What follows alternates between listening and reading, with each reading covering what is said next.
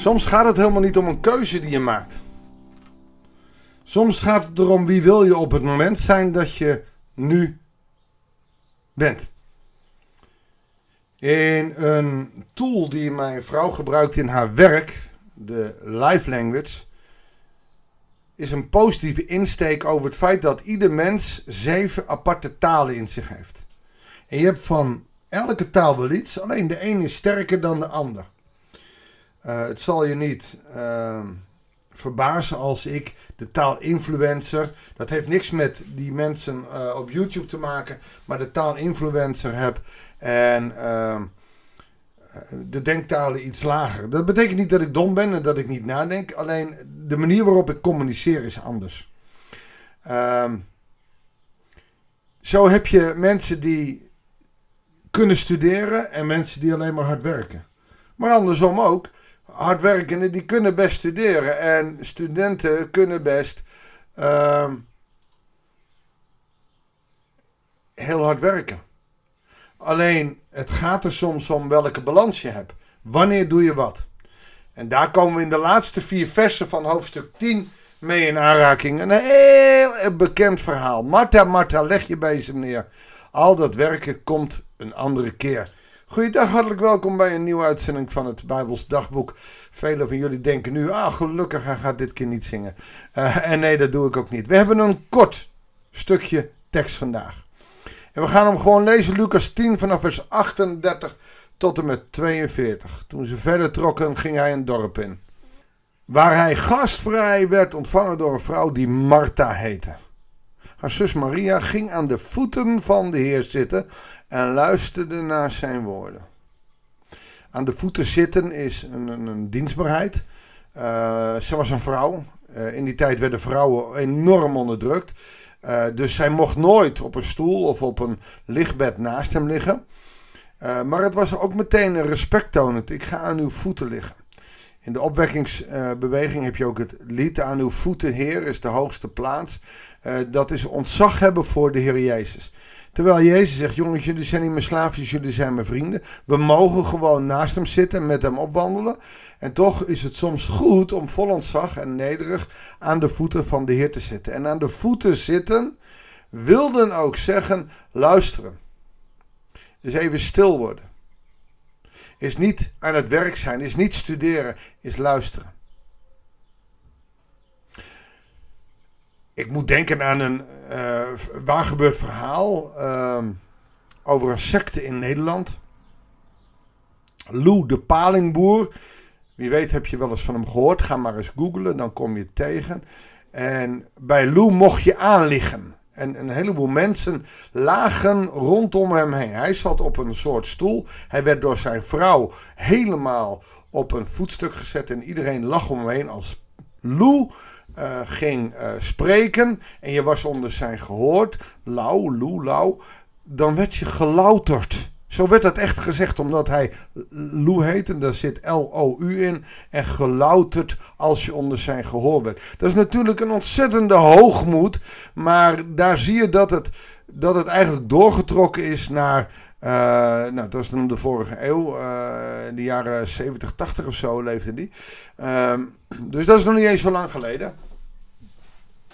Maar uh, wat je hier ziet is dat aan de voeten is gewoon uit respect, omdat Jezus, nou ja, niet alleen maar een man is, niet alleen maar een goede rabbi is, maar voor de insiders ook nog eens de zoon van de Allerhoogste is. Alleen wat uh, Maria daar doet, is eigenlijk haar zus in de steek laten. Want wat zij had moeten doen, is zorgen voor de gasten. Want Jezus komt altijd met twaalf man binnen, hè, met zijn dertiende. En dus er moeten voeten gewassen worden. Uh, er moet uh, eten gemaakt worden. Er moet drinken ingeschonken worden. En Martha, die werkt zich helemaal romslompers. En Maria zit aan de voeten van Jezus. En zij luistert naar zijn woorden. Zij dringt die woorden op. Dat mag helemaal niet. Want vrouwen mogen niet studeren. Maria doet dat wel. Bij Jezus is dat trouwens ook niet zo. Jezus heeft de gelijkwaardigheid tussen man en vrouw eh, zeer hoog in het vaandel. Lees Marcus 10 maar eens. Maar goed, hier. Uh, Hier laat uh, Jezus het gebeuren, Maria zit daar. Maar Martha werd helemaal in beslag genomen door de zorg voor haar gasten. En ze ging naar Jezus toe en zei: Heer, kan het u dan niet schelen dat mijn zus mij al het werk alleen laat doen? Zeg tegen haar dat ze mij moet helpen.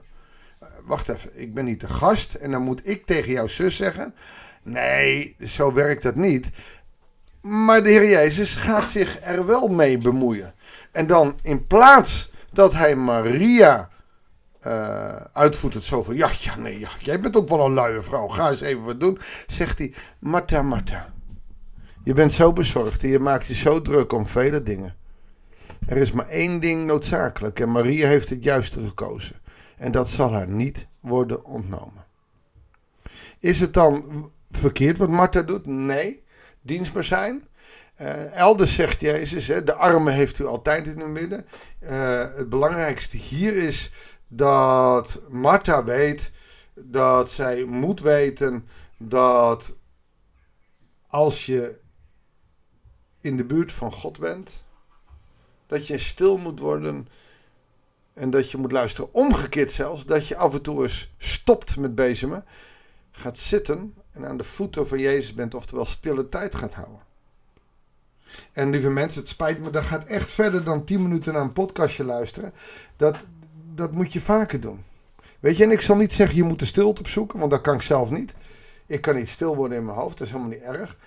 Uh, ik doe het op een andere manier. Maar zoek God. Zoek het aangezicht van God. En als je Hem zoekt, dan ben je aan zijn voeten. Doe het vol respect. En dat kan nu zeker met dit mooie weer ook in de natuur. Erken dat God goed is. Erken dat God geweldig is. Door te erkennen dat een grasprietje niet uit zichzelf kan groeien, maar dat God het gemaakt heeft. Of als je vlak voor de zon ondergaat die prachtige wolkpartijen ziet. Als ik hier in de omgeving loop, dan zie ik ooievaars. Majestueuze vogels. En dat weet ik ook wel.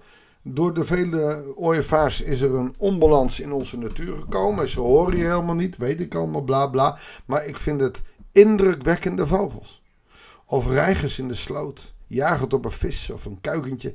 Dat is natuurlijk vreed, maar hoe mooi is het dat die natuur nog zo werkt en werkt zoals hij hoort te werken. Terwijl de mensen van de wereld al een puinhoop hebben gemaakt. En dat alle luxe die we nu gaan missen door, de, uh, door alles wat we hadden, uh, Opeens hebben we paniek, omdat de economie wat slechter gaat, omdat de gas slecht is, omdat de benzine duurder is en dat de boodschappen nu op de kop liggen door de protesten. Lieve mensen, we hebben het nog zo rijk. En laten we van die rijkdom genieten. Maar laten we ook regelmatig aan de voeten van de Hemelse Vader zitten. Want Hij is een God die wil spreken. En aan de voeten betekent dus ook de Bijbel lezen deze podcast luisteren, een ander dagboek, een ander studeer, lees. Loop met God. Vraag hem ook, wat betekent dit? Laat God ook antwoorden geven in je leven. En word daar ook eens stil voor. Of doe je ogen van je hart open om te ontdekken wat God tot je zegt. Ga niet zeggen, hij spreekt nooit tot me. Hij spreekt heel vaak tot je. De vraag is even of jij in staat bent om hem te horen. Zullen we daarvoor bidden, Heere God? Soms is het moeilijk om uw stem te verstaan. Soms is het moeilijk om te ontdekken wat u tegen ons wil zeggen. Heer, geef ons de kracht van uw Heilige Geest om daarin inzicht te krijgen. Het is Pinkster geweest, Heer. Leer ons in die kracht van de Heilige Geest dan ook te gaan staan, zodat we ontdekken wat U met ons leven wil. Leer ons elke dag meer uit te stappen en meer en meer met U op te gaan. Heer, zegen ons zo. In de naam van Jezus. Amen. Dankjewel voor het luisteren. Ik wens je God zegen en heel graag tot de volgende uitzending van het Bijbelsdagboek.